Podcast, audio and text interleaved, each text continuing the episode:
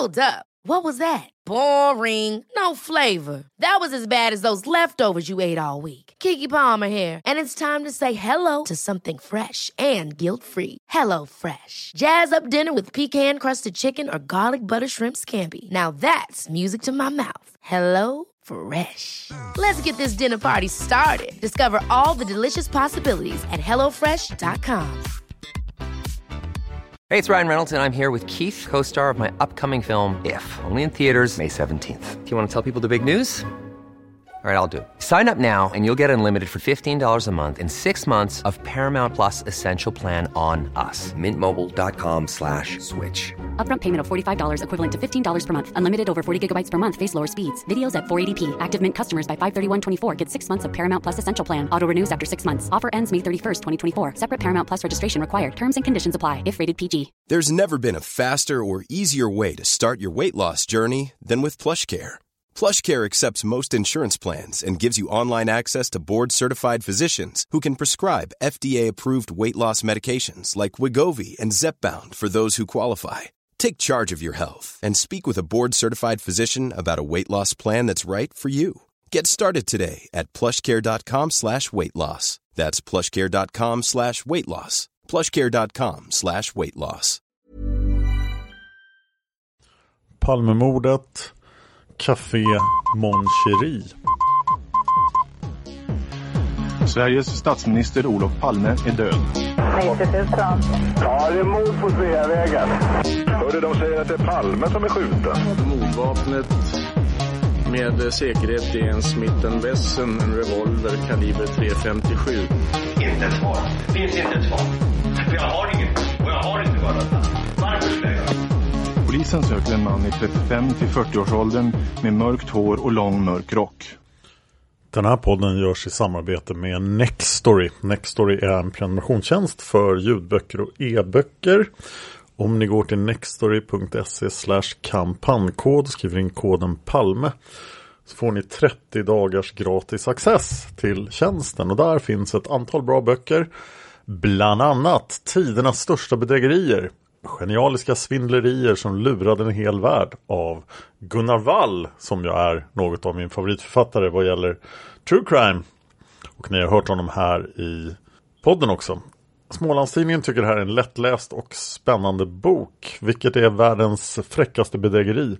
Svaret är förmodligen när skojaren Viktor Lustig lyckades med att sälja världens mest berömda byggnad, Eiffeltornet. Och eftersom det gick bra första gången kunde han inte låta bli att försöka igen. Eller var det när den tyska veckotidningen Stern meddelade att man för miljontals mark köpt Adolf Hitlers hemliga dagböcker i drygt 60 volymer. Den och mycket annat bra kan ni hitta på Nextory. Idag ska vi bege oss till Café Mon Cherie och prata om vad som hände där på mordnatten. Mon Cherie finns inte längre kvar. Det var ett café som låg på Kungsgatan 24 eller precis bredvid. Eh, det är alltså mellan Regeringsgatan och Malmskillnadsgatan, mycket närmare Regeringsgatan. Idag ligger Galways Irish Pub där och enligt vad jag tror just nu så är det precis de lokalerna som eh, Mon Cherie låg i. Och eh, Galways har funnits där sedan 90-talet. Och ni kommer ihåg hur sådana här förhörsavsnitt brukar se ut. Jag går igenom förhören och eh, läser upp så mycket information jag kan hitta. Och idag pratar vi om personal på Moncheri och gäster på Moncheri. Och först ut är Karin R.Y. som blir förhörd 86.03.12 klockan 19.50 olägligt nog av Kai Hane. Kai Hane är fortfarande aktiv privatspanare, han är pensionerad polis idag. Och han skriver ofta på Palmerummet på Facebook den största diskussionsgruppen för Palmemordet. Kai Hane än idag övertygad om att Viktor Gunnarsson är Palmes baneman. Men nu ska han då förhöra Karin R.Y. Och eh, det gör han i ett sammanfattningsprotokoll så det är inte en dialog då. Vittnet känner väl till Gunnarsson, kallar sig Carl Victor Gunnison, lämnat visitkort, adress Eyewitness News. Och det här Eyewitness News det är någon firma som Viktor Gunnarsson påstår sig ha då. Samt handskrivet telefonnummer. Första siffran bågform är troligen 1 eller 7. Eh, han har försökt flörta in sig hos henne, skrutit hejvilt, varit lärare i Lund, jobbar på egyptisk resebyrå etc. Sett honom en gång för kort tid sedan med två italienare i 45 till 50-årsåldern. En liten och satt, krulligt hår och handledsväska, sandfärgad rock. Skulle känna igen denne. Kan ej beskriva den andra. Hon fick intryck av tillfälliga bekanta, tjuvlyssnade, kan italienska, hörde dem tala om tjejer. Skojade med henne att de var mafiosos och ville att de skulle komma och sitta hos honom. Vilket hon vägrade. Hon jobbade 86.02.28 klockan 17 till stängning. Såg ej Gunnarsson. Har brukade. Främst på senaste tiden alltid komma och prata med henne. Varför hon tycker att hon borde ha lagt märke till honom. Så här har vi alltså en servitris på Mon Cherie. Ser det ut som för mig. Som jobbar hela kvällen från klockan 17 på mordkvällen. Hon ser inte Viktor Gunnarsson överhuvudtaget. Nästa förhör verkar ha inträffat precis före det förra förhöret. För det är Kai Hane som gör det. Det är den 12 mars 86. Och det är 20 minuter tidigare klockan 19.30 och det sker med Alikia A. Och det är fortfarande på Mon Cherie. Kai Hane skriver i sin sammanfattning A har arbetat på kaféet sedan januari 1986. 86 02 8 arbetade hon klockan 16 till klockan 24.30. Hon kan ej påminna sig om hon sett Gunnarsson. Hon känner väl till denne, verkar knäpp och säger sig vara amerikan. Skulle ha kommit till Sverige för att jobba men rest runt och bott på många ställen. Talar hyfsad svenska men föredrar engelska amerikanska. A såg honom senast 86 03 10 då han som omväxling var snyggt klädd. Vanligen har han parkasen från bilden. Alla känner Gunnarsson. Han hänger sig på alla och pratar, flörtar med alla tjejer. Han talar även något sånär polska, eventuellt tyska. Har sagt att en av hans föräldrar kom från Polen. Han var aldrig upprörd eller aggressiv, vad som än diskuterades. Hade en gång med sig en bok Sovjet hatar Sverige. Kom alltid ensam men satte sig ofta hos någon. Berättade att han varit i Vietnam. Stannade aldrig till stängningsdags. Ingen orkade lyssna på honom. Här var som till servitris som jobbar på mordkvällen. Inte kan påminna sig om att hon har sett Viktor Gunnarsson trots att den alltså är så extremt jobbig och märks hela tiden. Men hon har inte sett honom på Mon Det har dock några andra gjort. Nu ska vi titta på de här tre Mon flickorna som Viktor pratar med på mordkvällen. Och vi börjar med Gunilla S. Protokoll fört vid förhör med Gunilla S. Född 61. Boende i Kungsängen anställde henne som Maurits som affärsbiträde. Förhöret hållet i lunchrummet på Hennes som Maurits, Sergelgatan 1. Den 8 mars 1986 med början klockan 10.40.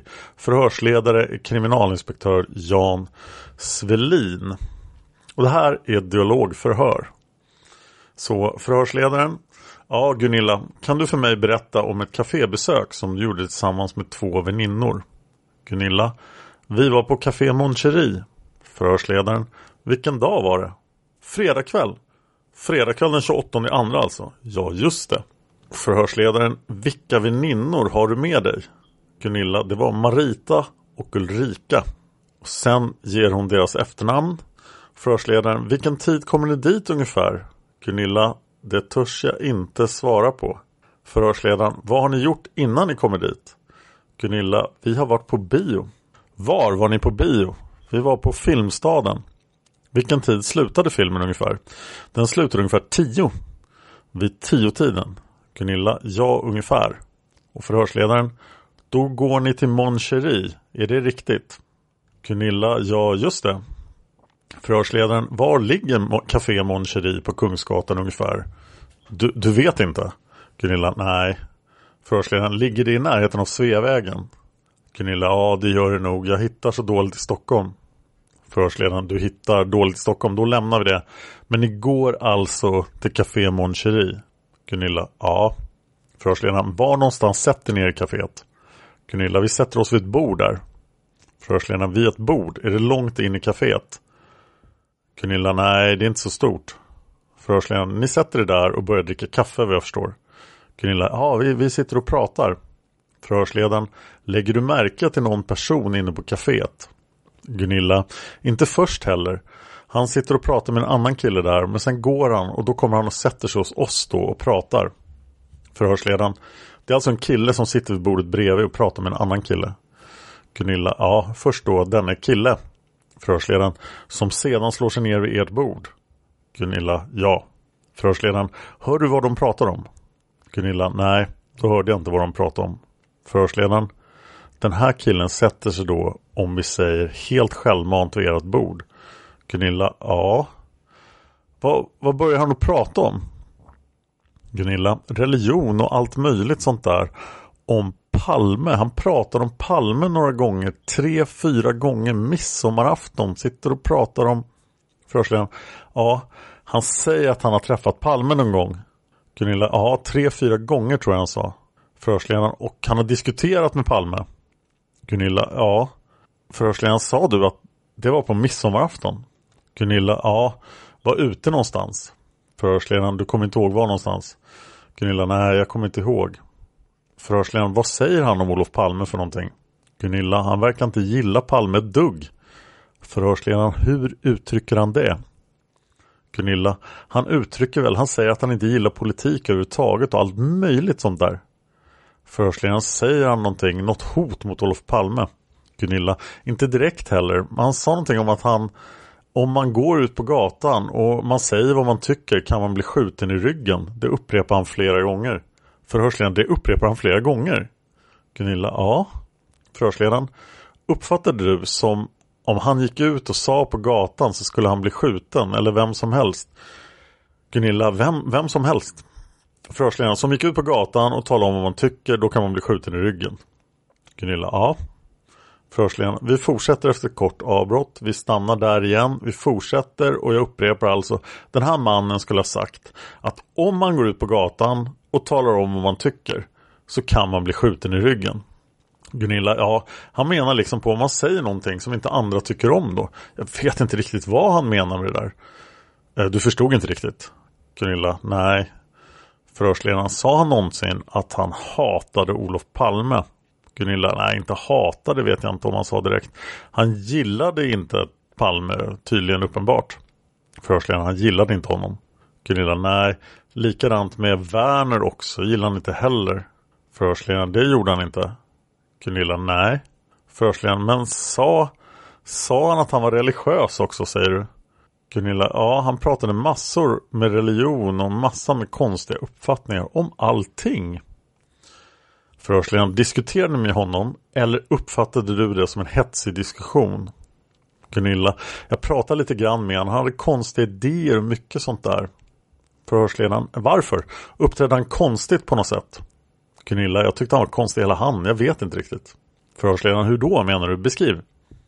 Gunilla, jag vet inte riktigt hur jag ska säga. Underlig helt enkelt. Förhörsledaren, verkar han insatt i politiska frågor? Gunilla, både ja och nej. Han verkade sådär överintelligent. Förhörsledaren, överintelligent?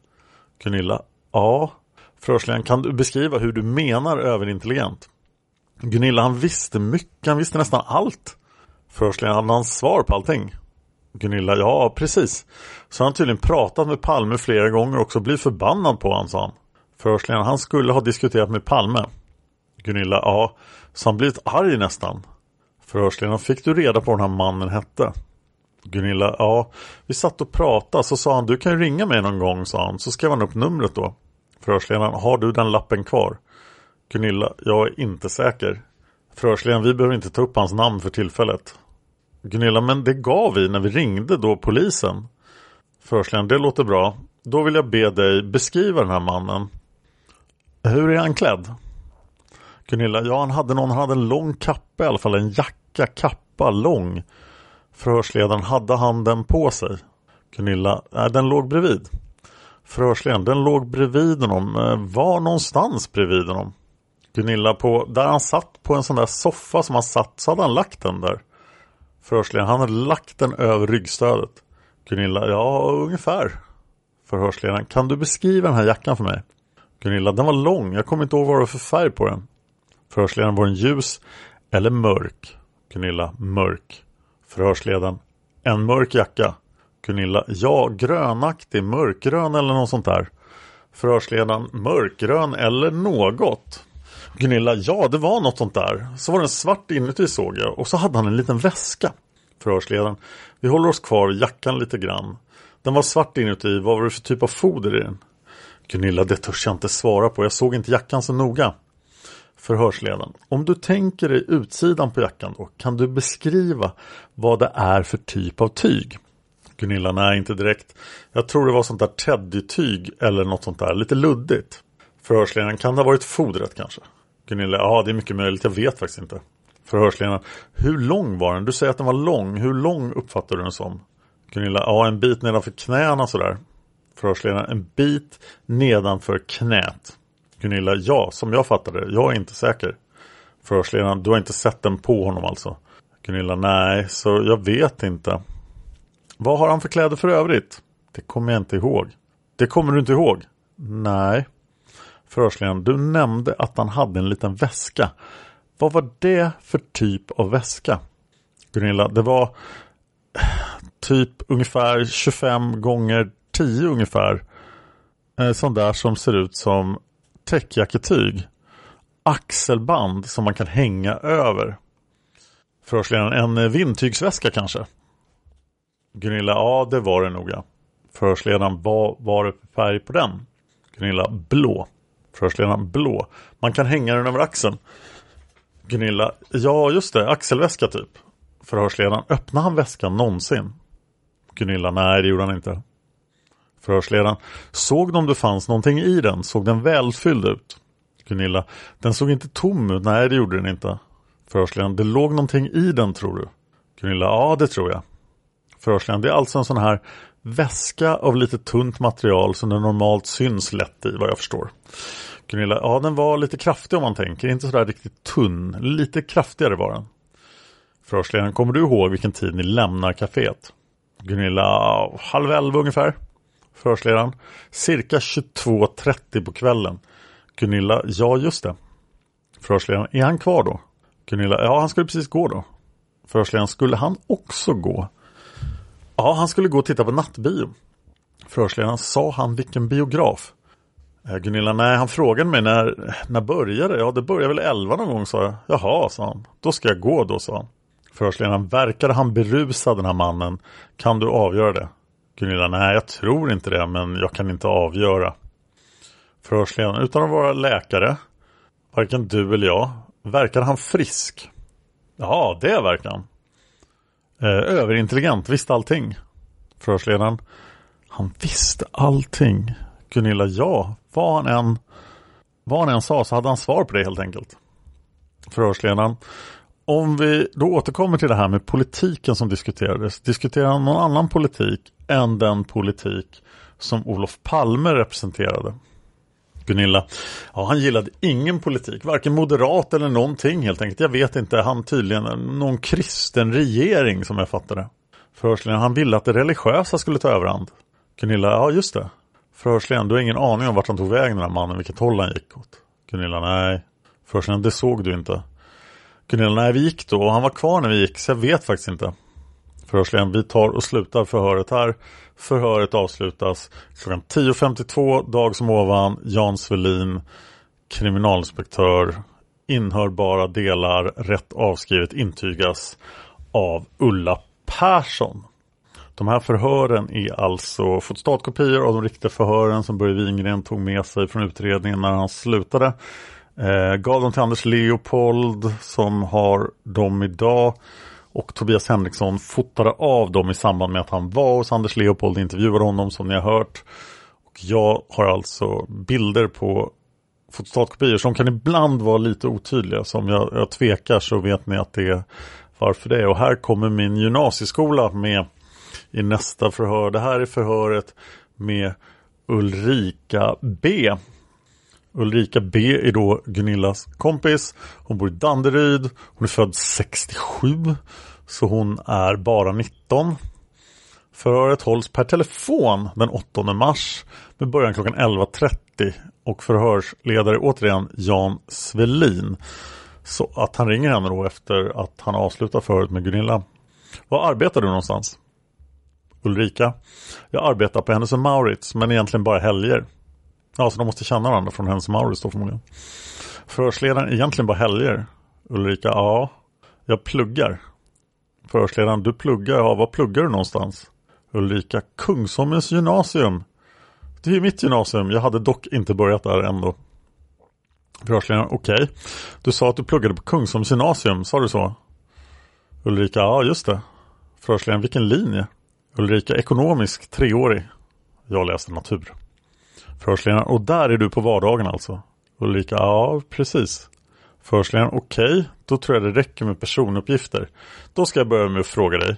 Är det riktigt att du tillsammans med dina väninnor Gunilla och Marita har besökt Café Mon Cherie fredagen den 28 februari någon gång på kvällen? Ulrika, ja, det stämmer. Förhörsledaren, det stämmer. Kan du tala om för mig vilken tid ni kommer dit? Ulrika, vi kom dit runt 21.30. Alltså en ganska annorlunda tid än vad Gunilla sa. Förhörsledaren runt 21.30. Hur vet du att det var vid den tiden? Ulrika, jo, därför att filmen slutade vid 21 och vi stannade utanför biografen Filmstaden.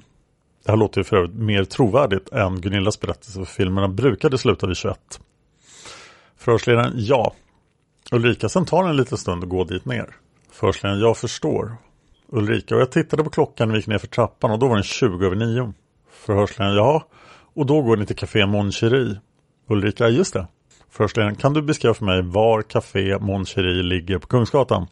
Ulrika, det ligger precis nedanför bron där Regeringsgatan går. Förhörsledaren, där Regeringsgatan går. Ulrika, ja den bron, nedanför den. Förhörsledaren, hur långt ifrån Sveavägen ungefär kan du uppskatta det i meter? Ulrika, om man går i lugn takt så tar det väl fem minuter ungefär. Förhörsledaren, jaha. Ulrika, väldigt lugnt går man då. Förhörsledaren, om vi då säger så här att ni kommer alltså cirka 21.30 till kaféet alla tre. Förhörsledaren, eller Ulrika, mm. Förhörsledaren, och då går ni och sätter er inne vid kaféet vid ett bord. Ulrika, ja. Förhörsledaren, vad händer sen? Ulrika, jag ser en man som sitter och diskuterar med en kille i vår ålder, 18-20 år. Och jag hör att de diskuterar nyfattigdom.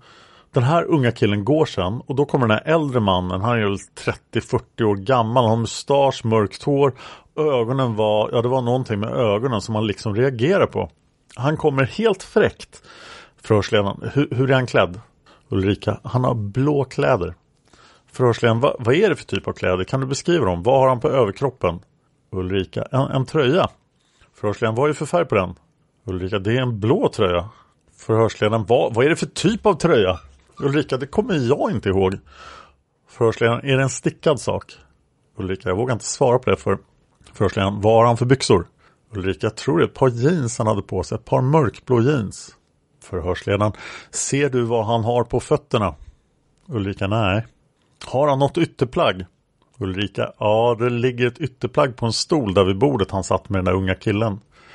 Förhörsledaren, jaha, kan du beskriva det ytterplagget? Ulrika, jag såg det aldrig men jag, jag, såg att det var någonting som var ulligt eller sådär luddigt. Och det var mörkt, mörkt grönt. Förhörsledaren, mörkt, mörkt grönt. Ulrika, det jag såg, jag tror att det var insidan på en jacka men jag vet inte. Förhörsledaren, jaha, du menar om du då beskriver det som ulligt, ett typ teddyfoder då? Ulrika, ja precis. Förhörsledaren, kan du beskriva hur lång den är ungefär? Ulrika, det såg jag inte för den låg bara på stolen och sen när han tog den så var det som en stor klump bara. Förhörsledaren, jaha, jag förstår. Han kommer alltså helt spontant till ert bord. Ulrika, ja. Och han ställer sig på huk mellan Gunilla och Marita. Förhörsledaren, jaha. Ulrika, och han börjar prata med dem och då säger han först att ungdomar de kan prata väldigt mycket men de har ingen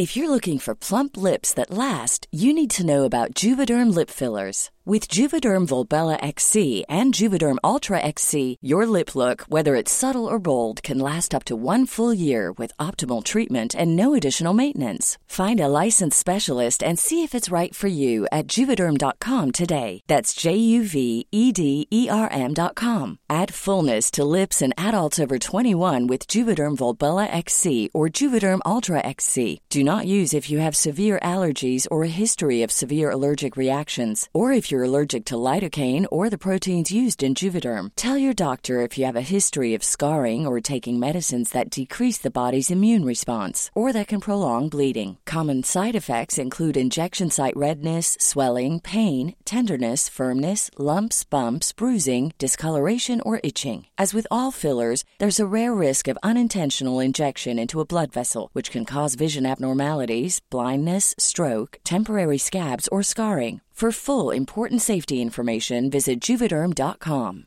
How would you like to look five years younger? In a clinical study, people that had volume added with Juvederm Voluma XC in the cheeks perceived themselves as looking five years younger at six months after treatment. Look younger, feel like you. Add volume for lift and contour in the cheeks with Juvederm Voluma XC. Reverse signs of aging by adding volume to smooth laugh lines with Juvederm Volure XC. For important safety information and to find a licensed specialist, visit juvederm.com. That's J U V E D E R M.com. Not for people with severe allergic reactions, allergies to lidocaine, or the proteins used in Juvederm. Common side effects include injection site redness, swelling, pain, tenderness, firmness, lumps, bumps, bruising, discoloration, or itching. There's a risk of unintentional injection into a blood vessel, which can cause vision abnormalities, blindness, stroke, temporary scabs, or scarring. Talk to a licensed specialist to find out if it's right for you. Quality sleep is essential. That's why the Sleep Number Smart Bed is designed for your ever evolving sleep needs. Need a bed that's firmer or softer on either side? Helps you sleep at a comfortable temperature? Sleep Number Smart Beds let you individualize your comfort so you sleep better together. JD Power ranks Sleep Number number 1 in customer satisfaction with mattresses purchased in-store. And now, save 50% on the Sleep Number limited edition Smart Bed for a limited time. For JD Power 2023 award information, visit jdpower.com/awards. Only at a Sleep Number store or sleepnumber.com. Inga kalla fakta om någonting och väldigt så här och han börjar prata politik. Förhörsledaren, vad pratade han då för politik för någonting? Och han börjar med den där nyfattigdomen och, och det han pratade om med den där killen. Förhörsledaren, eh, varsågod och fortsätt, det var något avbrott där. Ulrika, ja sen är det så att jag är inte speciellt intresserad av politik så jag stänger lätt av öronen på så sätt. Jag hör vissa grejer bara. Och jag tycker väldigt illa om folk som kommer fram sådär bara utan att fråga om man stör eller någonting. Så jag började titta på allt möjligt annat runt omkring. Förhörsledaren, jaha. Ulrika, så jag hör egentligen inte vad de säger för jag sitter mitt emot och han pratar då till Marita och Gunilla. Förhörsledaren, hör du ingenting av vad han säger? Ulrika, jo, han pratar om politiker. Han berättar att han har träffat Lars Werner och att han pratat om Kullen någonstans någon midsommar tror jag det var. Förhörsledaren, jaha. Ulrika, och till slut när han stod där och pratade så hade Werner till slut ingenting annat än knytnäven kvar. Han hade inga argument utan visade knytnäven och det var den här killen väldigt stolt över ungefär. Det verkade så. Förhörsledaren, jaha. Pratade han om någon mer politiker?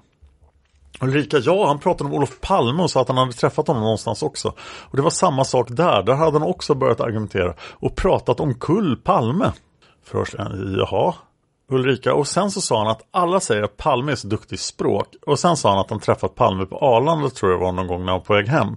Och då tyckte han att han skulle driva lite med honom då. Så han gick fram och började prata flytande franska och tyckte att han var jätteduktig. Och då sa han att Palme inte kunde svara för han inte förstod.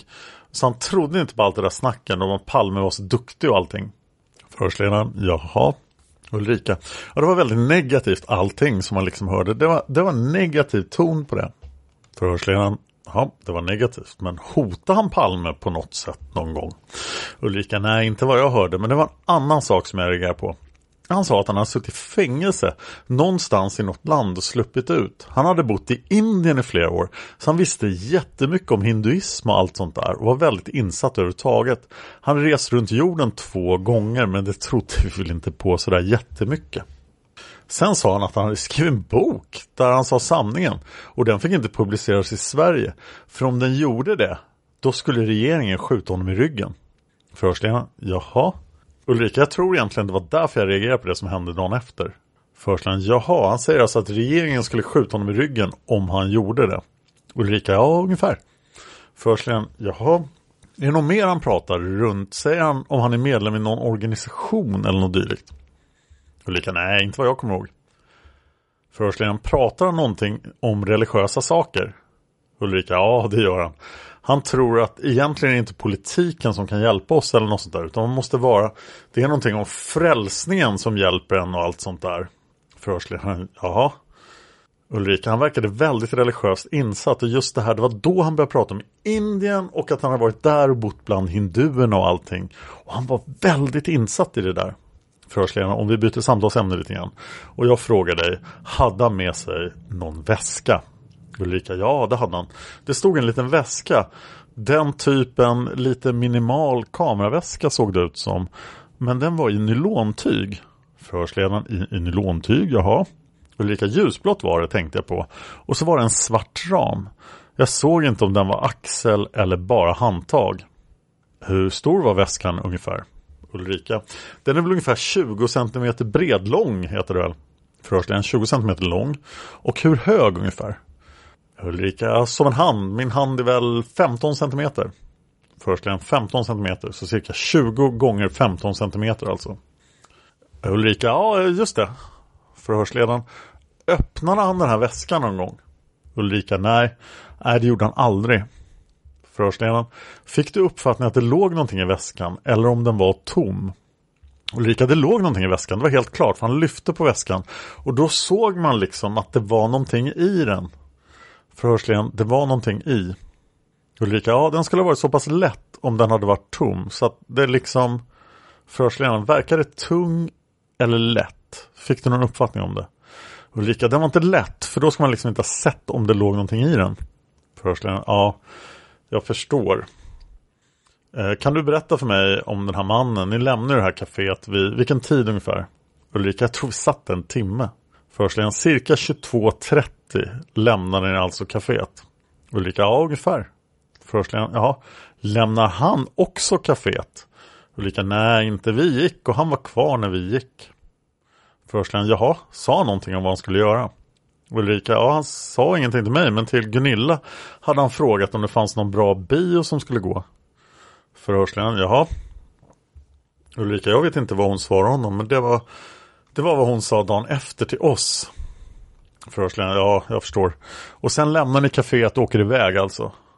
Ulrika, ja vi, vi går sakta upp mot Hötorget och där tar vi tunnelbanan. Förhörsledaren, eh, du sa till mig angående hans namn, kan du repetera det en gång till? Ulrika, hans namn? Ja, han sa att han heter Vic Gunnison. Förhörsledaren Vic Gunnison. Ulrika, ja. Och Gunilla fick en lapp med namnet och telefonnummer. Förhörsledaren, jaha.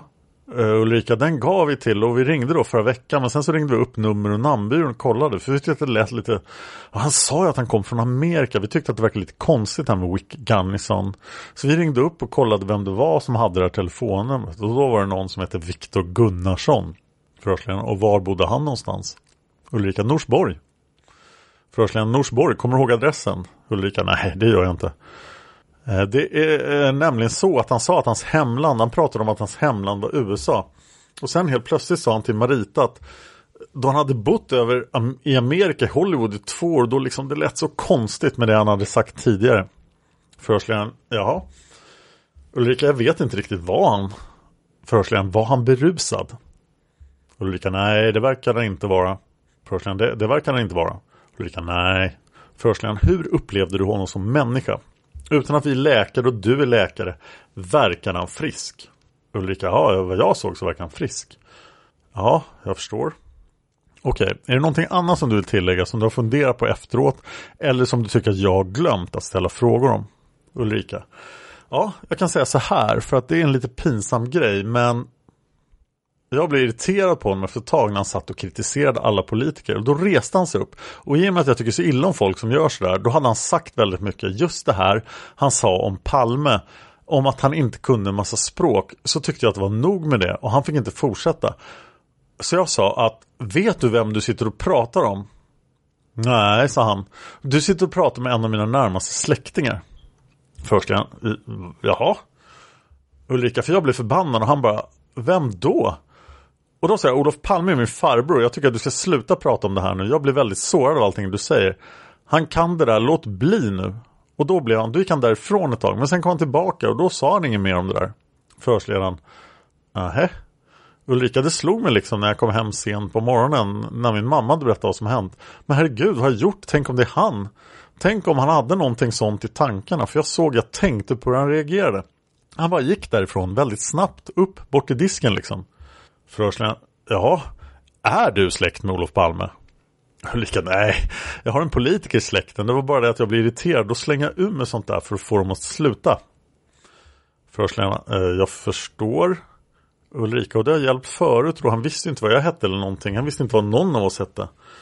Förhörsledaren, lämnade ni aldrig era namn till honom? Ulrika, nej. Förhörsledaren, nej. Jag förstår. Nej men det var bra det där. Jag tror att vi kan avbryta förhöret här om du inte har något mer att säga. Ulrika, nej det har jag inte. Förhörsledaren, jag hoppas jag kan få återkomma till det om det skulle vara så att vi behöver prata med dig lite mer. Ulrika, ja det, det går bra. Förhörsledaren, det låter bra. Jag hoppas att det stannar mellan oss för tillfället. Ulrika, ja det gör det.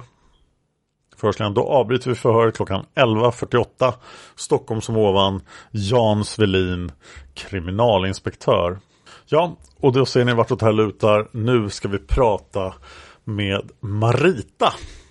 Den tredje flickan på Mon Cherie, född 63. Så hon är ska precis fylla 23.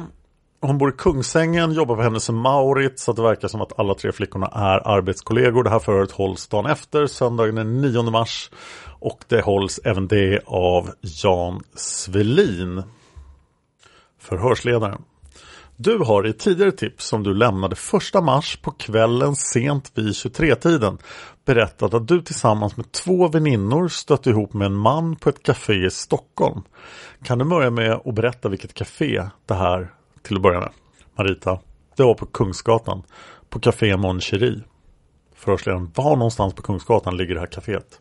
Eh, Marita, det ligger nästan alldeles, vad ska jag säga, bredvid telebutiken. Förhörsledaren, bredvid. Marita, ja telebutiken nästan kan man säga, det är mot Sveavägen. Förhörsledaren mot Sveavägen, om vi tar några sådana här, känner du till biografen Saga? Marita, är det den på Tunnelgatan? Förhörsledaren, nej, biografen Saga ligger på Kungsgatan. Marita, ja, då vet jag vad det är.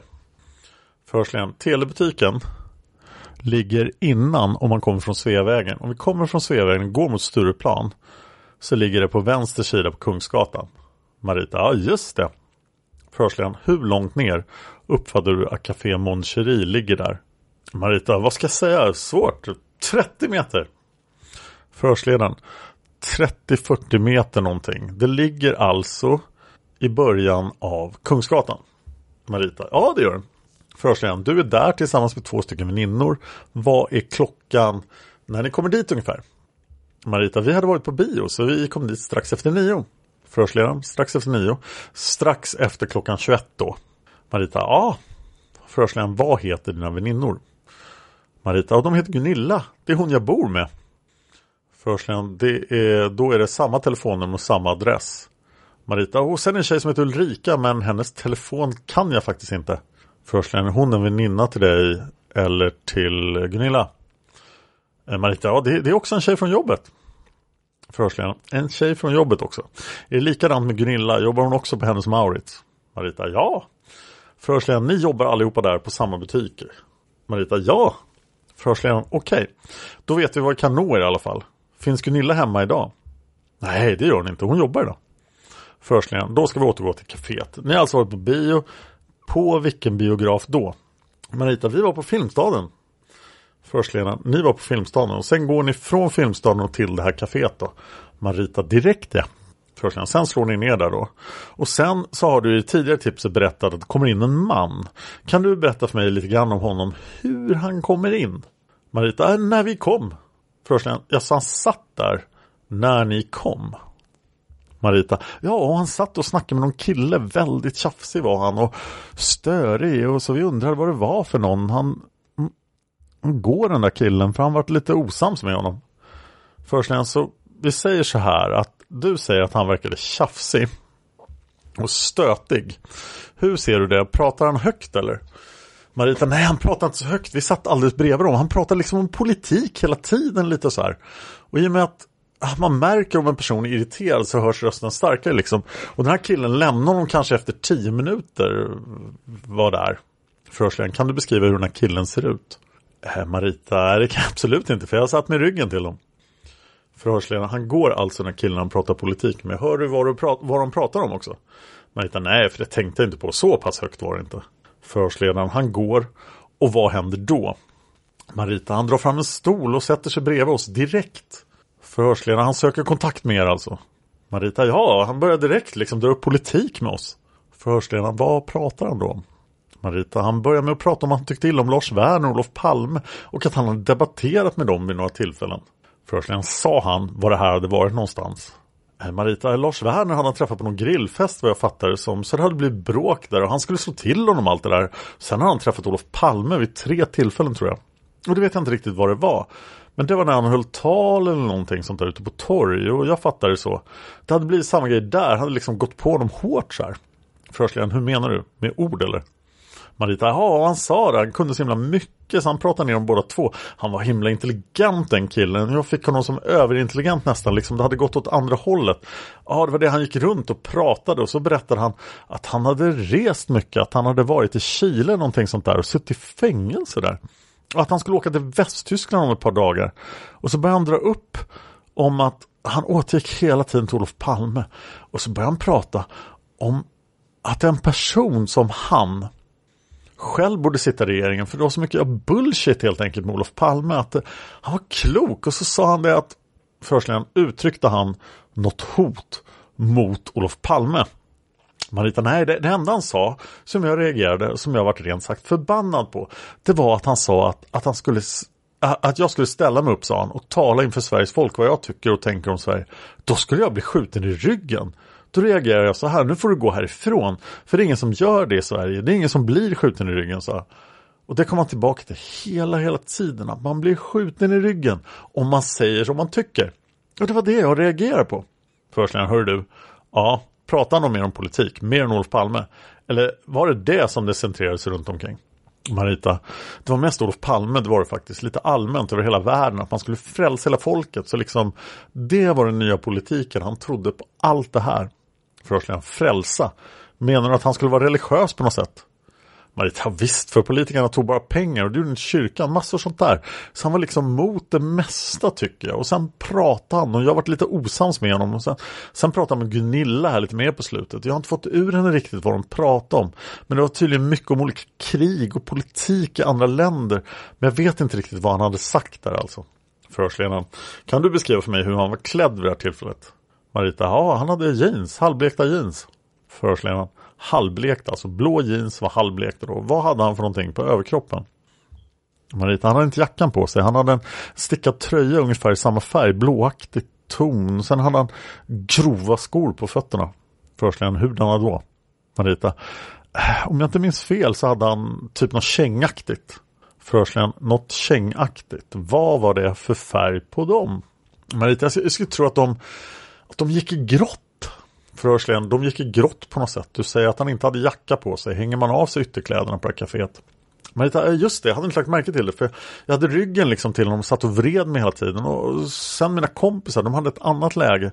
Så de säger att han hade någon jacka som låg över stolen och den var, den var något ulligt. Och de trodde att det var insidan som låg utåt. Och den var mörk.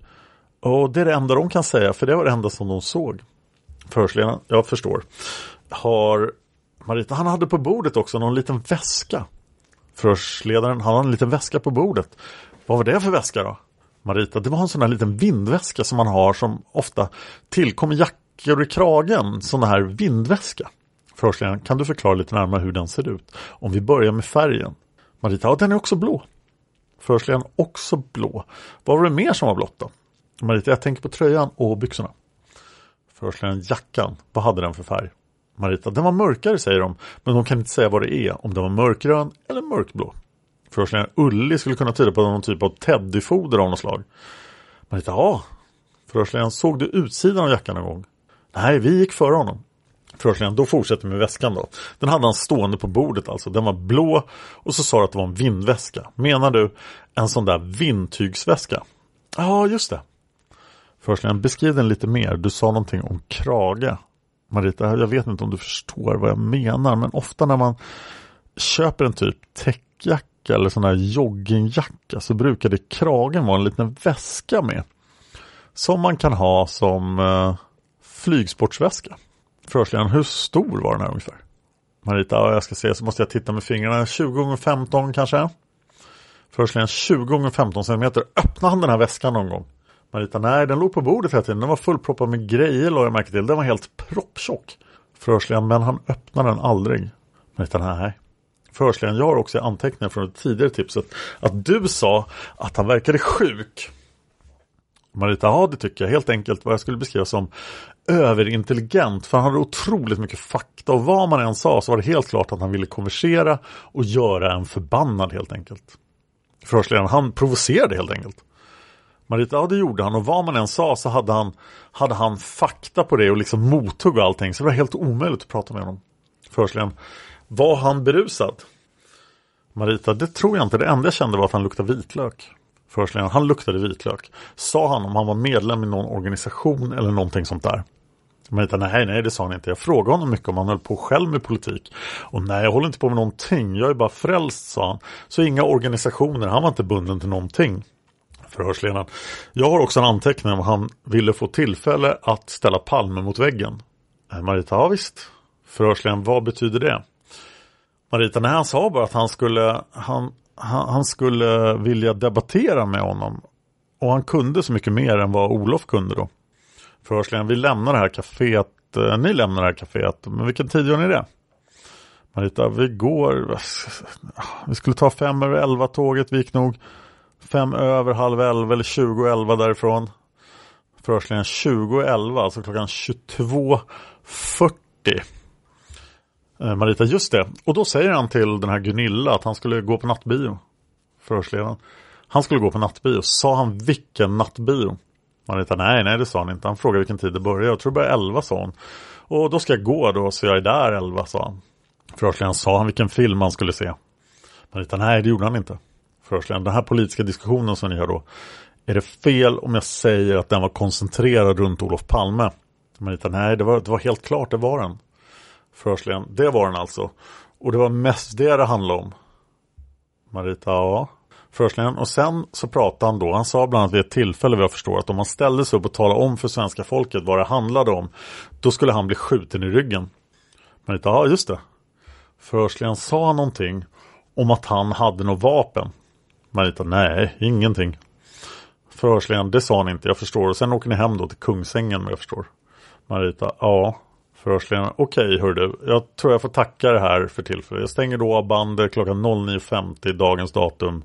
Stockholm som ovan. Jan Svelin, kriminalinspektör. Om ni lyssnar på Palmemordet på en Apple-plattform så vill jag hemskt gärna att ni lämnar iTunes-recensioner. För iTunes-recensioner påverkar poddens rating och gör att fler människor upptäcker den. Och jag kommer att läsa upp alla iTunes-recensioner i podden. Eh, den här podden finansieras huvudsakligen via Patreon, patreon.com palmemordet. Där kan ni välja en summa ni vill skänka per avsnitt. Gärna 2 dollar är väldigt vanligt. Gör ni det så får ni tillträde till lite bonussaker som till exempel en Palmevandring med middag och barhäng den 28 februari. Håll utkik på Patreon om det. Eh, jag vill även att ni går till Facebook söker efter Palmemordet, likea det. Palmemordet finns även på Youtube. Alla avsnitt finns på Youtube. Om er podcasting-app kommer att sika er någon gång så vet ni det att avsnitten också finns på Youtube. Och jag har precis startat en ny podd på en plattform som heter Podme. Podme är en app och en webbsida, podme.com. Och Där finns min nya podd exklusiv, finns bara där. Massmördarpodden där jag tar upp fall där människor har mördat fler än fyra människor i ett massmord. Och jag började Massmördarpodden med historien om Johan Filip Nordlund som tar en kanalbåt eh, till Stockholm med planen att när det blir midnatt mörda alla på hela båten. Det här händer år 1900 och Johan Filip Nordlund lyckas skjuta upp avskaffandet av dödsstraffet i Sverige med 20 år alldeles själv och orsaka omedelbart två avrättningar på förbrytare som annars skulle ha blivit benådade. Så lyssna på Massmördarpodden på Podme. Tack för att ni lyssnar på Palmemordet och vi är tillbaka nästa vecka. Man hittar Palmes mördare om man följer PKK-spåret till botten. Därför att ända sedan Julius Caesars tid har jag aldrig hört talas om ett mord på en framstående politiker som inte haft politiska skäl. Polisens och åklagarens teori var att han ensam hade skjutit Olof Palme. Och det ledde också till rättegång. Men han frikändes i hovrätten. Nu ska vi ut och röva, trodde jag. Vi ska ut och röva.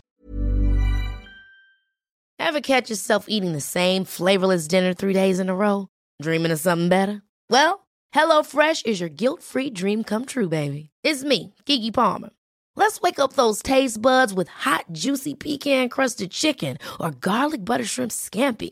Mm. Hello Fresh. Stop dreaming of all the delicious possibilities and dig in at HelloFresh.com. Let's get this dinner party started.